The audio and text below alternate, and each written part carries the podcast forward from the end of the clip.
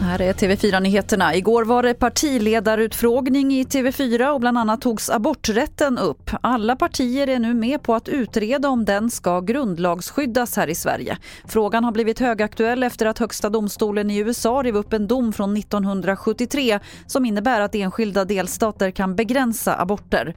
KDs Ebba Busch. Det är ett styrkebesked att trots att vi är mitt i en brinnande valrörelse så är det inget parti i Sveriges riksdag som vill ändra på svensk abortlag.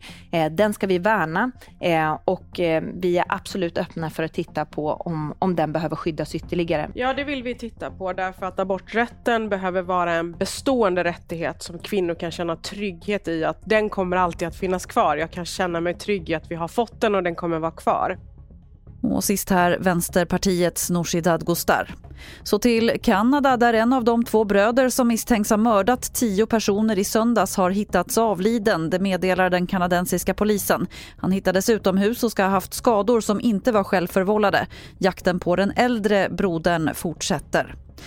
En man och en kvinna i 20-årsåldern har åtalats för att ha försökt smuggla in strax över 10 kilo kokain värt drygt 9 miljoner kronor i Sverige. De fastnade i tullen vid Öresundsbron i våras, det skriver Sydsvenskan.